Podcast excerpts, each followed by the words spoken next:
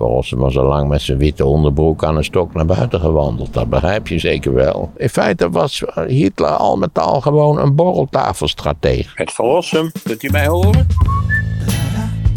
We moeten eerst even wat posten wegwerken, Maarten. Ehm, de reis met de trein door Europa. Met lezingen op verschillende plekken en ook in de coupé zelf. Eh, op Instagram, Maarten Podcast, ging het er laatst al over. Dat leverde al veel reacties op. Hoe zit het daarmee? Uh, ja, daar wordt door het reisbureau gewerkt aan, aan een soort nieuw plan. Het, het, nou, het was geboren uit mijn liefde voor treinreizen in principe. Het feit dat het, dat het zoveel fijner is om naar Londen te gaan in de Eurostar dan in, dan die klote vliegtuigen, die afschuwelijke vliegtuigen, die afschuwelijke luchthavens, echt allemaal even verschrikkelijk gewoon.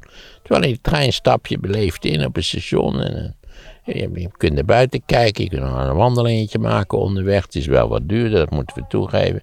En het is natuurlijk eh, voor de, voor de vliegschaamte is het ook eh, hartstikke prettig om per trein te gaan.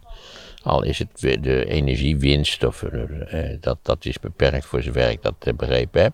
Maar uh, ja, daar wordt gewerkt aan een, een treinreisconcept. Ja, waarbij je ook de treinreis gecombineerd met een soort culturele lezingen je begrijpt, ik noem maar wat op. Je rijdt met de trein van München naar Wenen. Nou, München is een prachtstad waar je alle mogelijke lezingen kunt houden.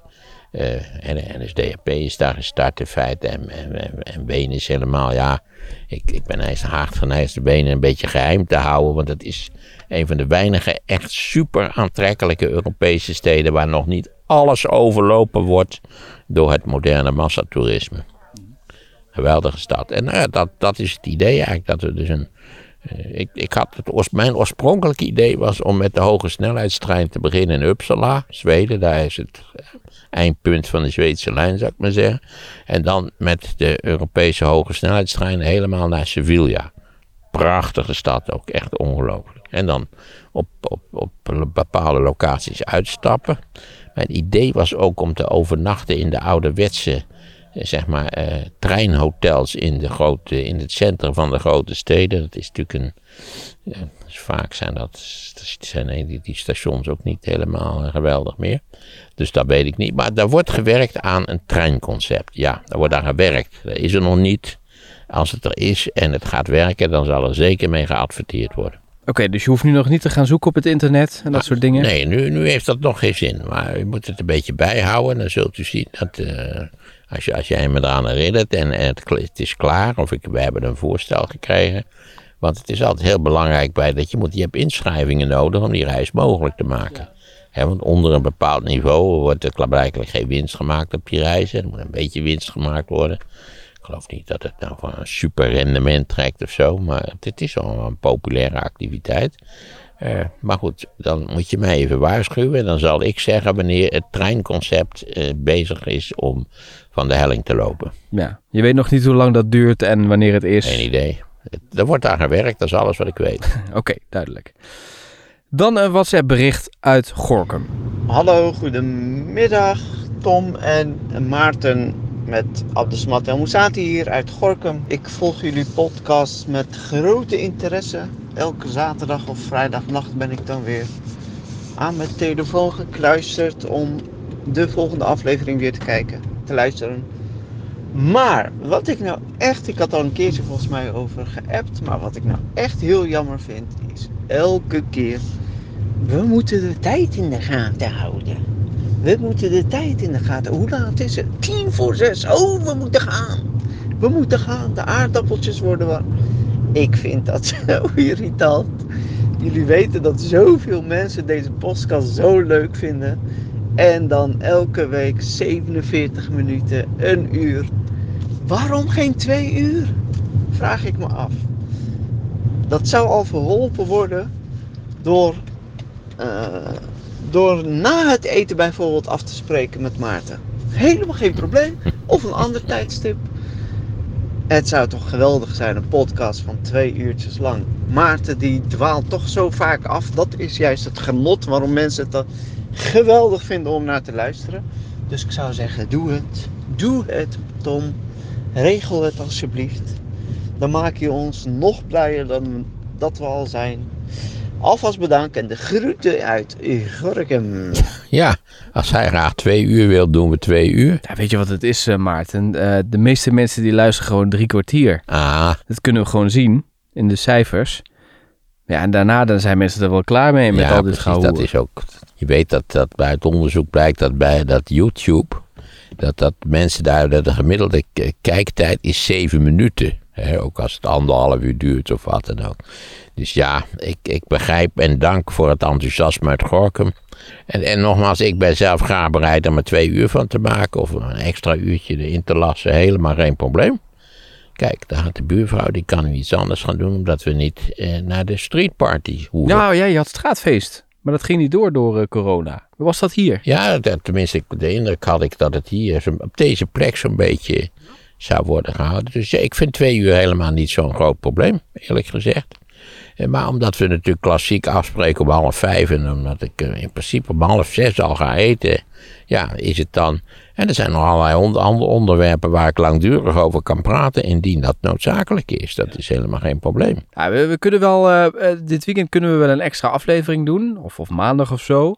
Ehm, ik vind wel eventjes, want dit is één man uit Gorkum. Dus die taxichauffeur. Allemaal prima. Maar ik vind wel dat even, hè, als, eh, dit is een eenling. Een lonely wolf.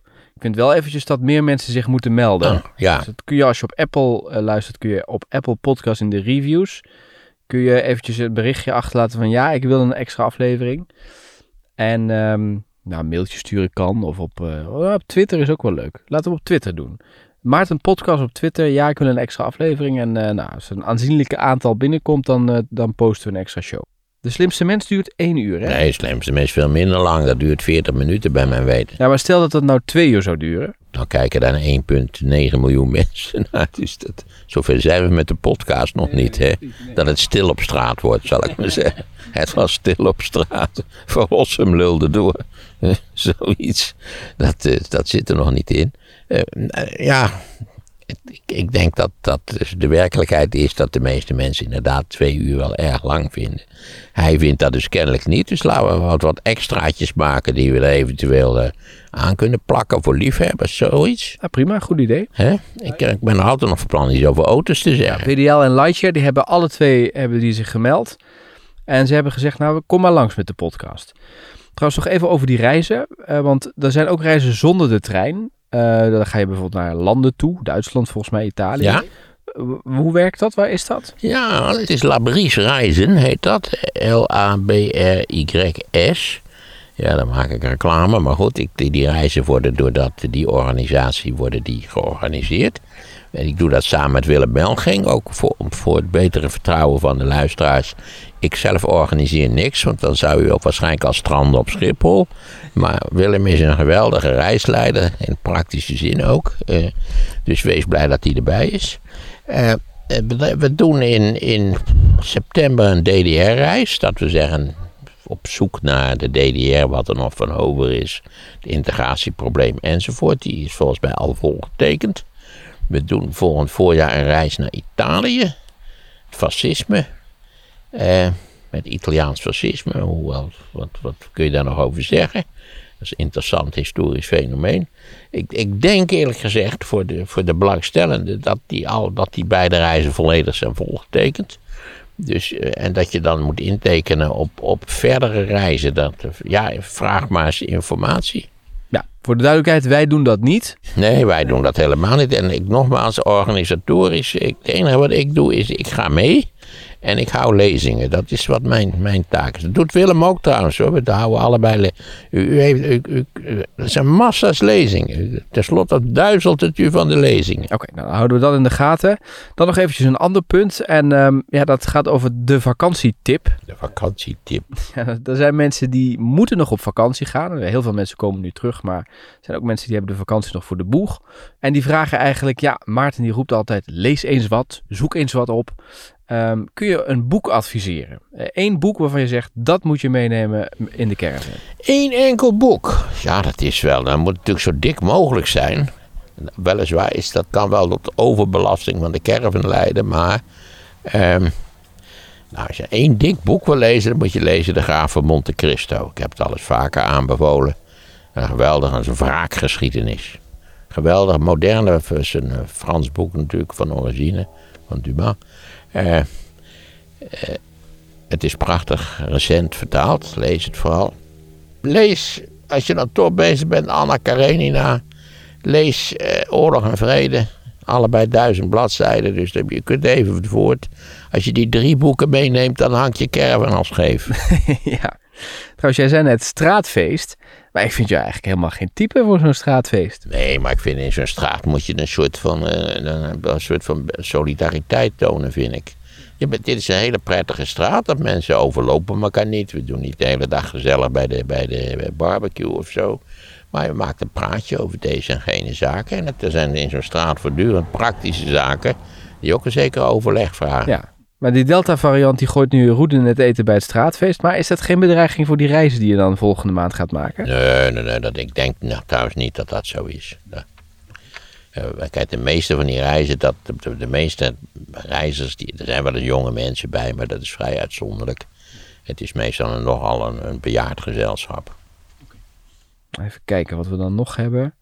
Ja, mensen willen altijd weten wat je ergens van vindt. Bijvoorbeeld MA17 zie ik hier nog in eh, de mailtjes staan. Ach jee, dat drama, ja. Heel typisch, typisch klassiek Russisch drama. Dus door incompetentie is dat gebeurd. De, meeste dingen in Rusland zijn totaal incompetent. En als het dan gebeurd is, dan liegen ze erover. Ze zeggen niet, ja, sorry. Zijn maar fout gegaan, was de bedoeling niet. Maar nee, er wordt eindeloos gelogen. En ze besteden eindeloos veel meer energie aan de leugen en om die om de lucht te houden. Dan om gewoon te zeggen, ja, sorry, incompetent was de bedoeling niet. De daders worden gestraft. Gebeurt toch niet daar, maar goed, je kunt altijd zeggen dat het gebeurt. Nee, eh, klassiek, eh, een beetje Tsjernobyl. Ja, dat is dan even groot, nog wat grootschaliger natuurlijk. Eerst ontken je het. Nee, niks aan, niks aan de hand. Ja, tenslotte was er zoveel straling in de rest van Europa extra. Dat het, ze moesten het wel toegeven.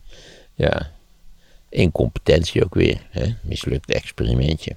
Reactor ontploft. We dwalen af. Eh, we het, hoe kwamen we op deze mislukte experimenten? Ja, ik vroeg dat van MA17. Maar ik vind het wel een go- goed idee trouwens om, eh, we moeten misschien eventjes nog duidelijk zeggen, goed idee als we hè, die extra show, als mensen dat leuk vinden, laat het dan even weten via Apple Podcast in de review of via Twitter Maarten Podcast of zoek even contact en laat even iets horen. En als dat veel mensen zijn, dan gaan we dat doen. Vooral voor die meneer in Gorkum. Want die, die kan misschien wel aan, aan eh, hoe heet het, eh, aan afkikverschijnselen gaan leiden als ik, eh, als ik twee weken weg ben. Wie zal het zeggen? Dat is wel een heel nieuw verschijnsel, ja. Dat je bij de dokter komt met een tremor. Zeg je, ja, dat heeft volgens hem is, is, is tijdelijk opgehouden met de podcasten. Ik weet maar geen raad werkelijk. Ons hoofdthema, dat is eh, de Tweede Wereldoorlog. Ja, doe dat maar. Ja. Rusland zijn we Ja. gebleven. En mag ik ook misschien militaire deskundigen vragen niet te luisteren, dan hoeft hij zich niet te ergeren aan het feit dat ik sommige militaire termen niet op de juiste wijze heb gebruikt en ook de pelotonsnummers bij de verschillende militaire acties wereldwijd ook niet uit mijn hoofd blijkt te kennen. Dank u wel. Maar waar we gebleven met de Tweede Wereldoorlog? We hadden de fundamentele discussie gehad of eh, op 7 december 1941 eigenlijk al de, de beslissing was gevallen in die oorlog. En of de Duitsers ooit de oorlog hadden kunnen winnen. En toen was mijn theorie, ja, dat blijft natuurlijk pure speculatie, dat als ze al ooit een kans hebben gehad om te winnen, dan had dat moeten zijn met een andere organisatie van eh, de aanval op de Sovjet-Unie. Dus niet over drie fronten, maar over dat ene front direct richting Moskou met maximale snelheid van uitvoering. Dat was misschien een mogelijkheid geweest.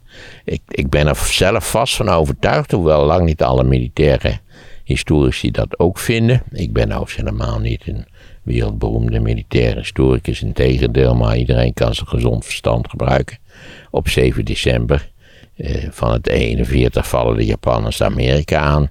Daar was Hitler hartstikke tevreden over. En die dacht om die Japanners een beetje te belonen, verklaar ik ook de oorlog aan de Verenigde Staten.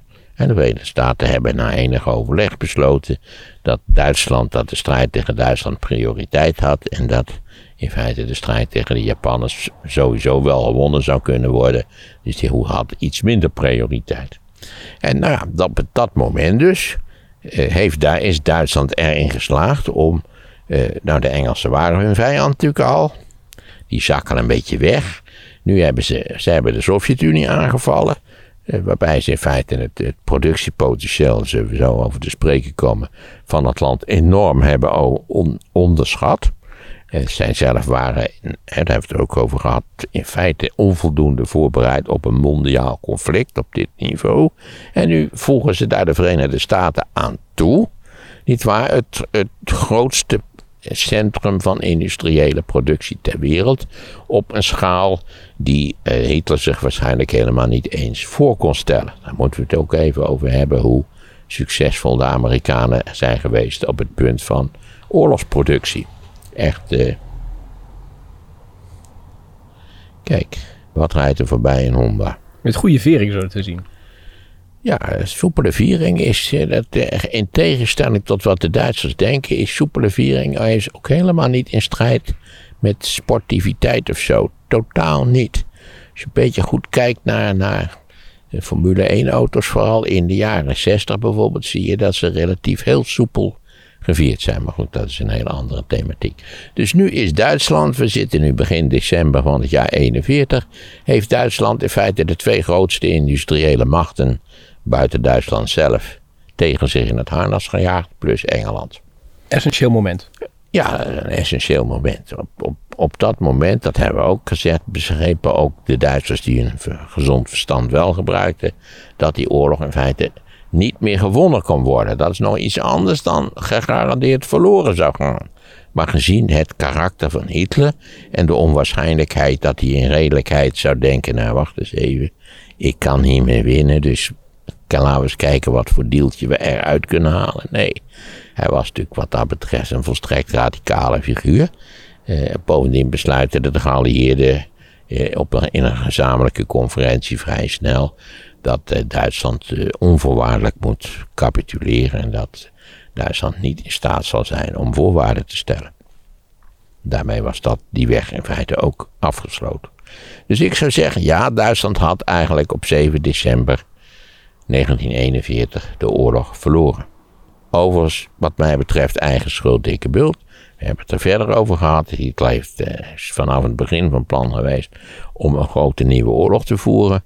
Aanvankelijk leek hij natuurlijk spectaculair te scoren met doordat hij Frankrijk uitschakelt in een paar weken. Dat had niemand verwacht. Dat zag er natuurlijk geweldig uit. Dat was allemaal te danken aan een flitsende en uiterst competente wijze waarop de Weermacht eh, werd geleid.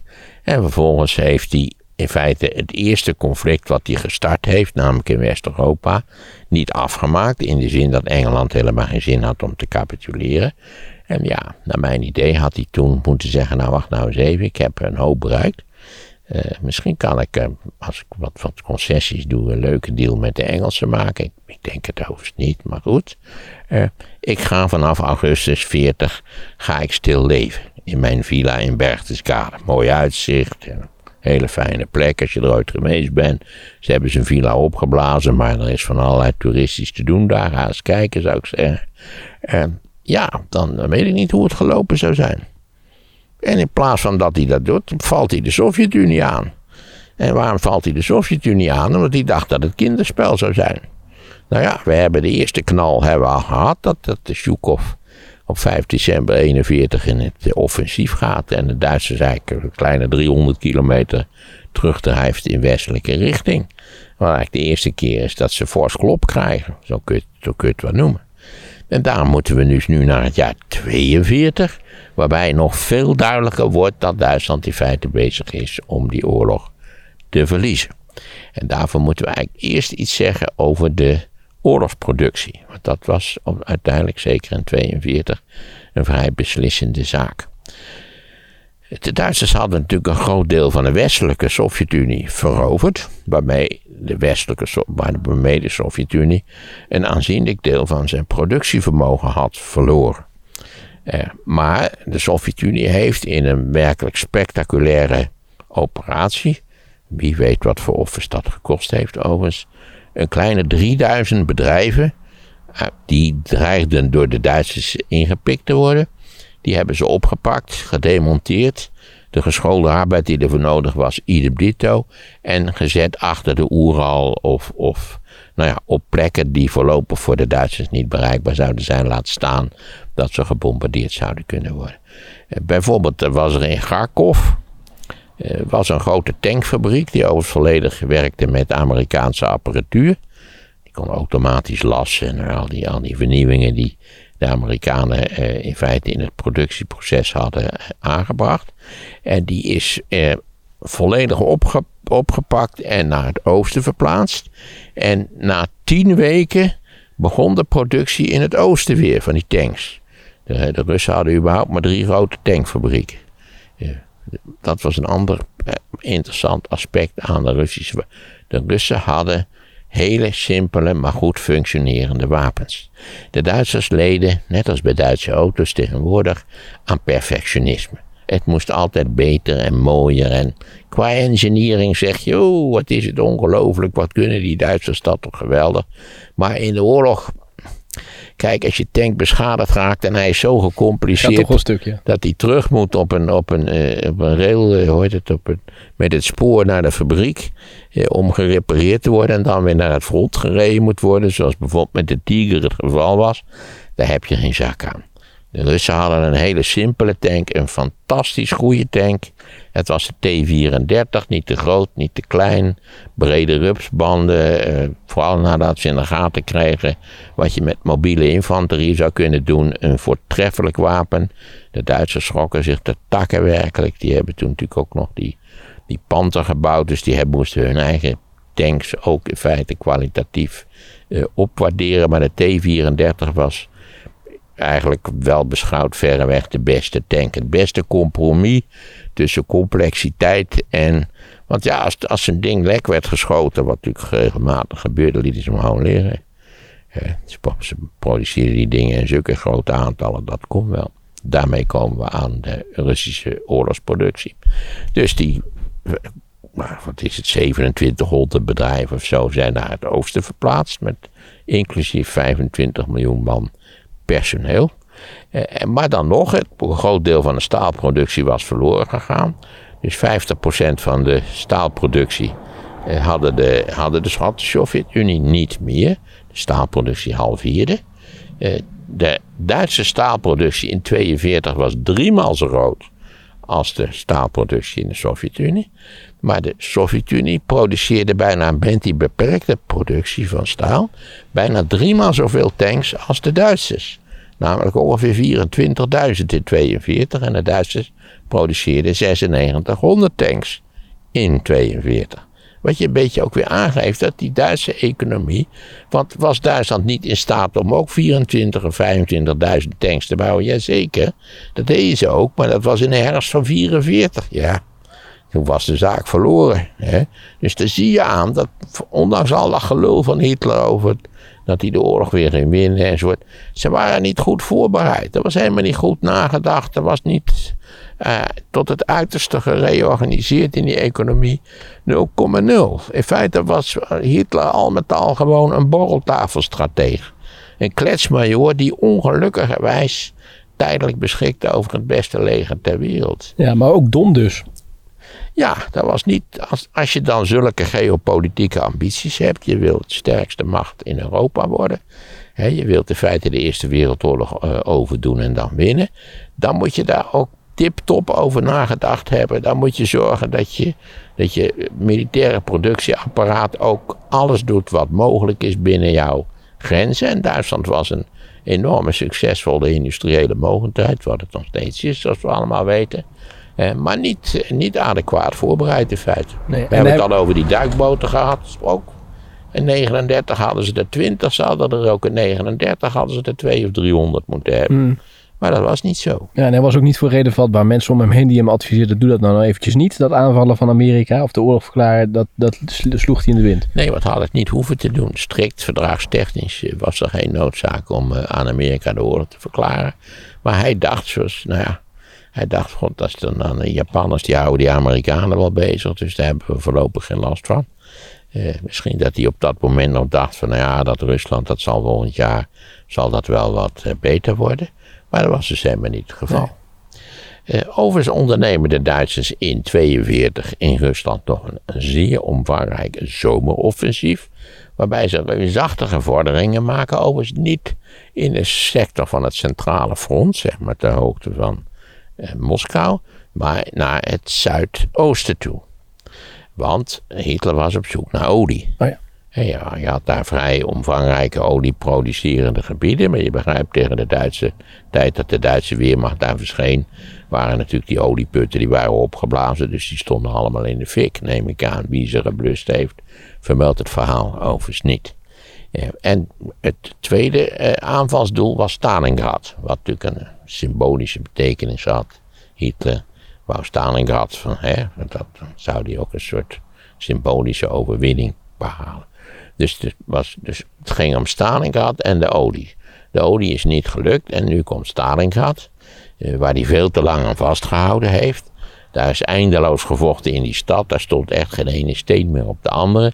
Als mensen willen weten hoe het daartoe ging, dan moeten ze dat boek van Grossman lezen. Hè? eh, Leven en Lot. Ik geloof zelfs dat hij ook een speciaal boek over. Dat is aangrijpend. Dat is dan, daar zie je wat oorlog is. Dat is iets, dat is te gruwelijk voor woorden. Daarom begrijp ik ook niet die, die al die gamers, hè, die waardeloze gamers met hun kut oorlogsspelletjes. Sorry dat ik dit woord gebruik. Hè. Het oorlog is iets verschrikkelijks. Dat dat een spelletje is voor pubers, dat, dat kan mij nog een- altijd enorm irriteren. Ik heb nog spijt dat ik het bordspel Stratego gespeeld heb. Hoe idioot dat ook was vanuit het perspectief van militair denken. Maar dat, dat, dat het een leuk spel is om, om mensen dood te schieten in een spelletje. Ik, ik vind dat. Ja, ze zouden eens moeten weten wat oorlog werkelijk is. Lees eens iets over een echte oorlog. Dat is gruwelijk. Gruwelijk is het. Ehm, waar waren we gebleven? Nu ben ik natuurlijk ontspoord door mijn eigen verontwaardiging. Olie was niet gelukt. Stalingrad olie was niet gelukt. lang vast. Stalingrad. eh, Dus dat was een oorlog in een stad. En waar waren de Duitsers goed in? Dat was een snelle bewegingsoorlog met panzereenheden. Daar waren de meesters in. Dat hadden ze goed over nagedacht, dat konden ze. Maar een oorlog in een stad, dat maakt, dat maakt, je kunt in een stad niet een snelle bewegingsoorlog van, met, met panzereenheden voeren. Dat is onmogelijk. En in die stad waren de Duitsers niet beter dan de Russen. En de Russen vochten met ware doodsverachting. Hè. Ik heb ook altijd begrepen dat de enige soldaat tegenstanders waar de, waar de Duitsers bang voor waren, waren de Russen. Dat ze s'nachts eh, je strot kwamen afsnijden, zal ik maar zeggen. De Amerikanen en die Engelsen, daar waren ze niet zo verschrikkelijk bang voor. Wat er ook weer van op, duidt dat die Amerikanen en Engelsen hele gewone nette jongens waren. Die, ze hele gewoon. nou, Maar de Russen waren echte killers. ja, de Russen waren, althans in Stalingrad, waren dat echte killers, ja zeker. En ze zijn heel ver gekomen. Ik geloof dat de Wolga die daar doorheen stroomt op enkele tientallen meters afstand was. Eh, Maar verder zijn ze niet gekomen. Ze hebben uiteindelijk de stad nooit echt ingenomen. Maar terwijl ze bezig waren met deze hopeloze strijd in Stalingrad, dat hadden ze natuurlijk beter niet kunnen doen. Het, het sloopte de Weermacht. Er zijn, zijn, weet ik, tenslotte zijn daar over de 100.000 Duitse doden gevallen. Dit wa- was ons Zhukov, de reeds genoemde Zhukov, bezig om achter Stalingrad, aan de andere kant van de Wolga, om daar grote eenheden op te bouwen om tenslotte, niet waar, als, als, die, als ze die Duitsers vastgezet hadden in Stalingrad, om in de aanval te gaan. En dat heeft hij ook gedaan. Op 19 november 42 gaat het Rode Leger over tot de aanval. En in binnen vier dagen wordt dat enorme leger van de Duitsers in Stalingrad omsingeld. Dus in vier dagen hebben, zijn de Russen hebben de omsingeling gesloten. Nou ja, wat zeg je in zo'n geval als verstandig militair? En die had je ook wel in Duitsland. Zeg je, ja, eh, eh, Führer, het is wel handig als we die lijn terugtrekken. En daar hebben we nu nog wel een kansje op. Hè, als we het snel doen, goed organiseren. Daar waren de Duitsers trouwens hartstikke goed in. Elastische frontverkorting heette dat. Dat hadden ze kunnen doen. Maar je begrijpt, daar had Hitler geen zin in. Er werd geen vierkante meter prijs gegeven. Ze zouden moeten vechten tot ze er dood neer zouden vallen. Hij benoemt eh, de man, de leider die de leiding had van die Duitse troepen, tot, tot maarschalk. Paulus, niet von Paulus, maar Paulus. Waarom was hij zo Hitler? Waarom, waarom was hij daar niet wat realistischer? Ja, ik heb geen idee. Hitler was gewoon eh, afgezien van zijn, zijn meesterslag eh, tegen Frankrijk. eh, was Hitler natuurlijk een betrekkelijk waardeloze oorlogsleider. Eh, maar het is ook even goed kun je natuurlijk zeggen dat het de fout was van, in, van een veel grotere structuur. Dat hij een gigantische oorlog was begonnen. Waar hij in feite niet best op was voorbereid. En waar hij eigenlijk over de geopolitieke consequenties bar slecht had nagedacht. Uiteindelijk was, uiteindelijk was Hitler eigenlijk een gokker, een improvisator. Die maar wat aanklooide in, in de mogelijkheden die hem in feite door de tegenstander werden geboden. En nou ja, goed, hij, hij weigert dus ook maar één stap terug te doen. En het gevolg is dat, dat eh, Paulus eh, tenslotte, wat de Duitsers in, in, dat, in die omsingeling, dat die tenslotte gecapituleerd hebben. Ik meen op eh, 31 januari van het jaar, hoe, hoe ver zijn we dan, 43. Nou, dan is het wel echt afgelopen met de Duitsers. Dat, dat kun je zeggen. Nogmaals, er komt nog een offensief, maar eigenlijk is dan duidelijk, dit is een kapitale nederlaag, anders kun je het niet noemen, in allerlei denkbare opzichten. Ondertussen was natuurlijk de Weermacht ook lelijk gerafeld geraakt, had hele grote verliezen geleden. Er zijn er nog tienduizenden Duitsers krijgsgevangen gemaakt, waarvan maar een heel klein deel is teruggekomen uiteindelijk. Dus ja, nee, Stalingrad was echt een, een, een, verwoestende klap, anders kun je het niet zeggen. Nu zitten we dus in 43. De Duitsers hebben nou, je moest wel een, een ongeneeslijke optimist zijn, of zo gek als een deur, zoals Hitler. Ja, daar hebben we die gekkigheid van Hitler natuurlijk weer. Eh, ja, hij was toch een, een die Heine, hij was de ja, dat blijft. We hebben het al eerder, heb ik mijn, mijn wanhoop hierover tot uitdrukking gebracht. Die twaalf jaren van het Derde Rijk, 33, 45, dat is een, die, die, die volkomen geschifte wel, eh, eh, hoe heet het, geweldsexplosie van Duitsland, dat blijft zo- zo'n raadselachtige zaak. Maar goed, de Duitsers vechten door. Ze hebben gevochten tot, tot, tot, tot ze tenslotte het Rijksdaggebouw in 45 nog dagenlang verdedigd hebben. Dat je denkt, ja, volgens hem was al lang met zijn witte onderbroek aan een stok naar buiten gewandeld. Dat begrijp je zeker wel.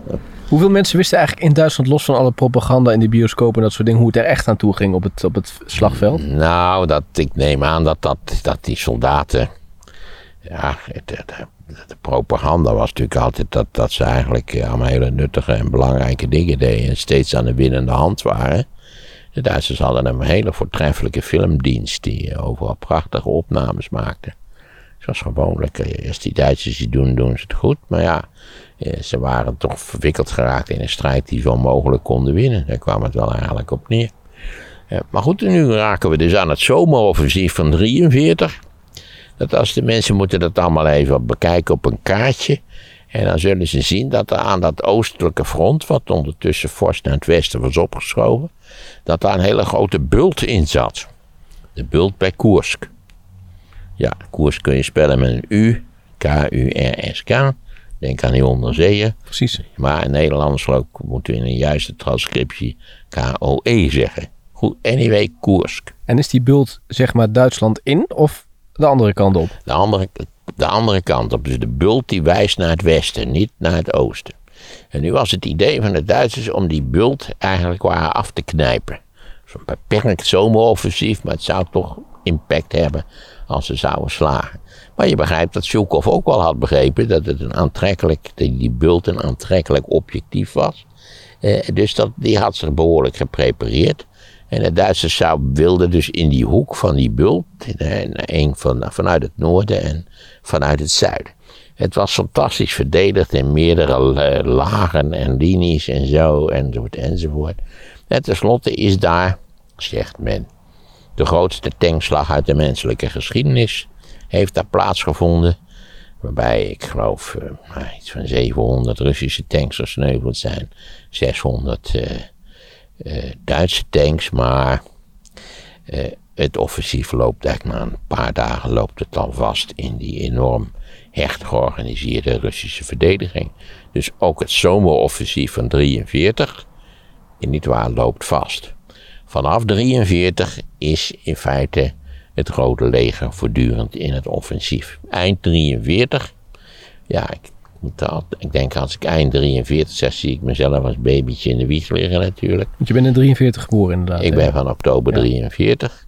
Ja, geconcipieerd tijdens Stalingrad. Tel maar even terug. Dat hoeven de kijkers verder, de luisteraars verder niet te doen, maar ik denk daar altijd aan. Ehm, ja, eh, eigenlijk eind 43 hebben de Russen al twee derde van het grondgebied, wat ze dus in 41 verloren hadden, hebben ze terugveroverd. En dan gaan ze in 44, gaan ze, veroveren ze de gehele ganse Balkan. En dan zullen we straks zien dat ze in 45, januari 45, beginnen ze aan de finale aanval op Berlijn.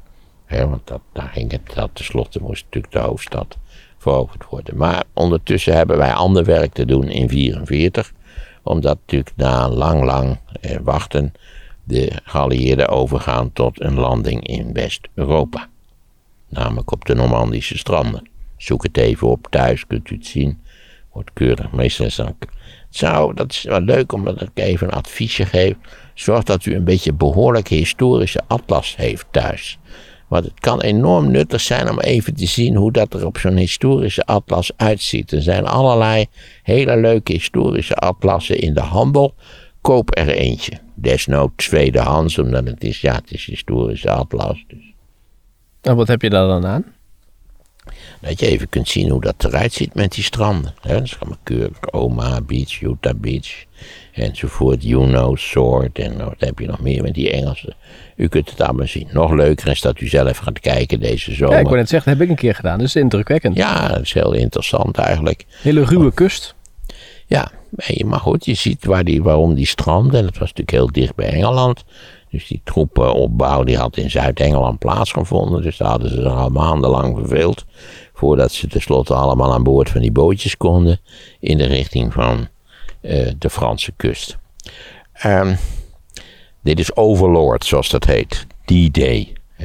D-Day is 6 juni. Dat is leuk voor Carolien. Caroline. Ja, ik hoop dat hij ook luistert. Het is wel interessant om te weten allemaal. Ze hadden ook allemaal eh, dingen keurig berekend. Het moest op 5, 6 of 7 juni. En dat hing samen met de getijdenbeweging. Het moest namelijk zo dat de landing moest plaatsgrijpen één uur eh, na, na het eh, einde van de app. Zodat er nog vrij veel strand was, zal ik maar zeggen. En bovendien, waarom deze data? Het moest volle maan zijn. En aangezien de operatie begon met het afwerpen van kleine 30.000 parachutisten. Eh, die moesten wel iets kunnen zien natuurlijk, want ja, het was verduisterd. Vergeten mensen ook vaak dat in de oorlog alles verduisterd was. Ik ben geboren in een verduisterd ziekenhuis. Je had allemaal verduisteringspapier wat je tegen je ramen moest plakken. Vooral natuurlijk omdat die bombardementen, die waren, daar hebben we het al eerder over gehad, die waren vooral op lichtjes beneden. Dus als er beneden geen lichtjes waren, dan was het een stuk lastiger om interessante doelen te vinden voor bommenwerpers. Dat er geen radar was dat op konden zien, hier is een stad. Nee, volgens mij dat, dat type van radar. Ik, bij mijn weten hadden die vliegtuigen zelf geen radar aan boord. Maar dat weet ik niet helemaal. Nee. De Engelsen hadden natuurlijk radarstations langs hun hele kust. Daar hebben we het wel Ja. over gehad. En dat heeft een belangrijke rol gespeeld in de Battle of Britain. Wanneer vliegtuigen zelf zijn uitgerust met radar, dat zou ik eerlijk Ja. gezegd niet weten. Vooral natuurlijk omdat je tegenwoordig, mijn auto heeft ook radar. Hè, zodat hij kan zien eh, of de voorligger of die bezig is af te remmen. Want dan remt hij ook af zonder dat ik iets doe. Ja. Dus als ik door bejaardheid in slaap sukkel en de vrachtauto voor mij remt flink af, dan, dan remt mijn auto vanzelf ook af. ja.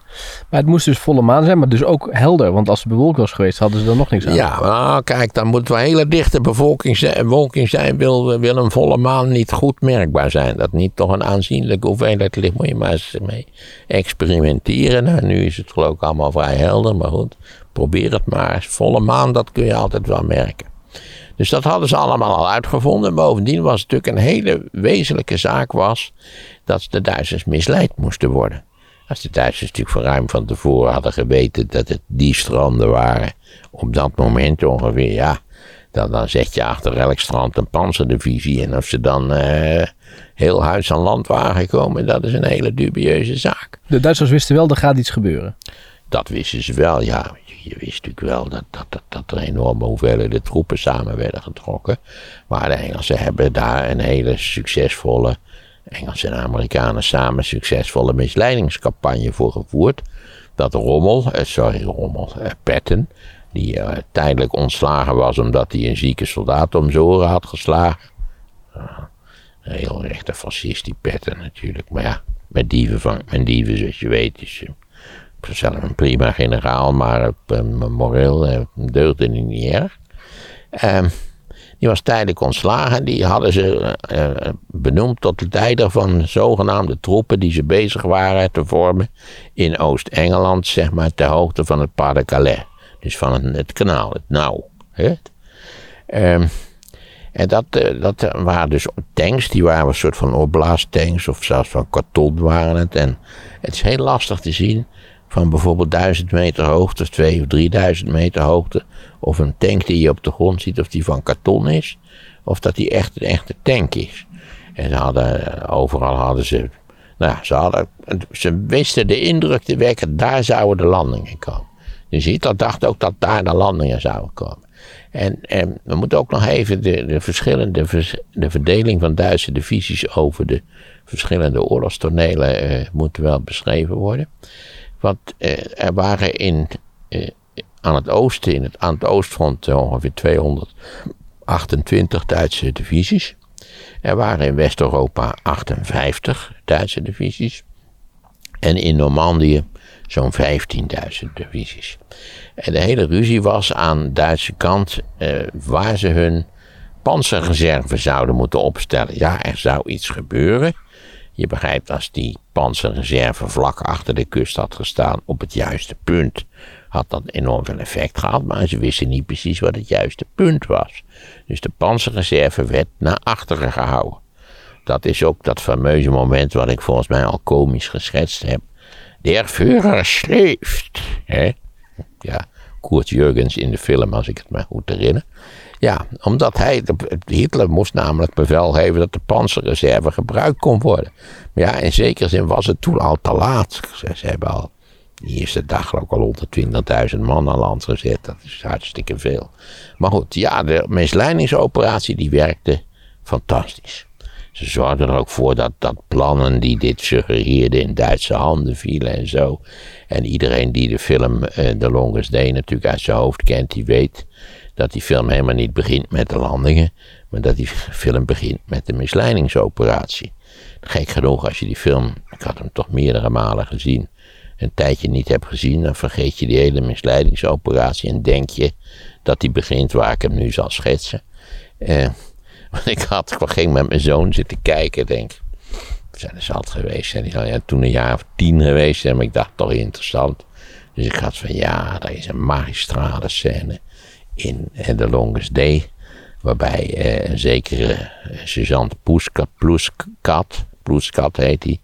Die, eh, nou, die zie je aankomen rijden in zo'n Duits jeepje. En die gaat daar naar zo'n bunker waar, die, waar het personeel al aanwezig is. Ze hebben al koffie gezet en zo. Hij drinkt ook een koffie. Uh, en dan kijkt hij naar buiten en dan vragen ze: Is er iets te zien? Nee, er is niks te zien, dus ze drinken nog een kop koffie. Een paar minuten later kijkt hij weer: Totaal niets te zien. Een beetje mistig, zie je ook wel buiten. En dan, geloof de derde keer, zegt hij ineens, hij is, valt er stilte en dan zegt hij, schieven, schieven, duizenden van schieven. Dat klopt wel.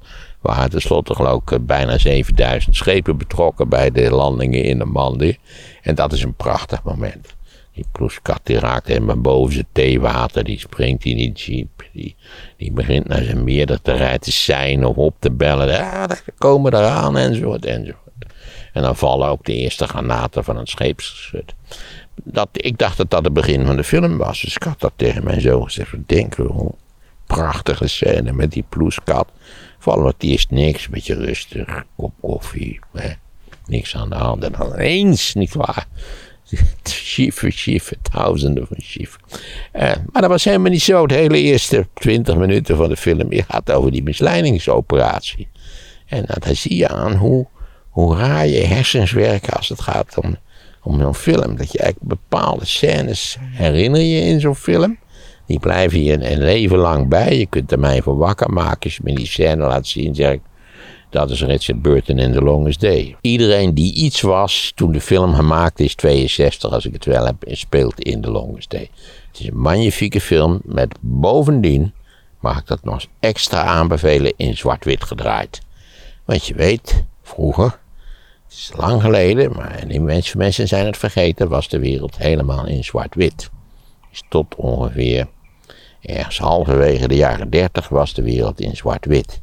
Want we konden alleen maar zwart-wit foto's maken. En ja, je kon ze inkleuren. En er waren wel wat ingewikkelde procedés. Maar in principe, ik heb zelf als kind nog flink wat foto's gemaakt. Dat was allemaal in zwart-wit. Dat was geen kleur. En dat gold ook voor de film. Ik geloof Gone with the Wind is een van de eerste kleurenfilms die gedraaid is. Dat zit je al in de tweede helft van de jaren 30. Amerikanen hadden speciale fotografische eenheden die met Kodachroom fotografeerden. En het gekke is, als je het kleurenbeeld van de Tweede Wereldoorlog ziet, dan denk je, dat klopt toch niet? Het was toch allemaal in zwart-wit toen? Hè? Dit is, het is een beetje, een beetje nep, hè? Dat eigenlijk een beetje Hollywood kleuren eigenlijk. Maar ja, goed, dus de wereld was... Maar het was naar mijn idee een fantastisch besluit, want je kon natuurlijk in 62 al lang in kleur draaien om dat in zwart-wit te draaien, vond ik in ieder geval. Ik vind het nog steeds een geweldige film in allerlei opzichten. Volgens was al lang met zijn witte onderbroek aan een stok naar buiten gewandeld.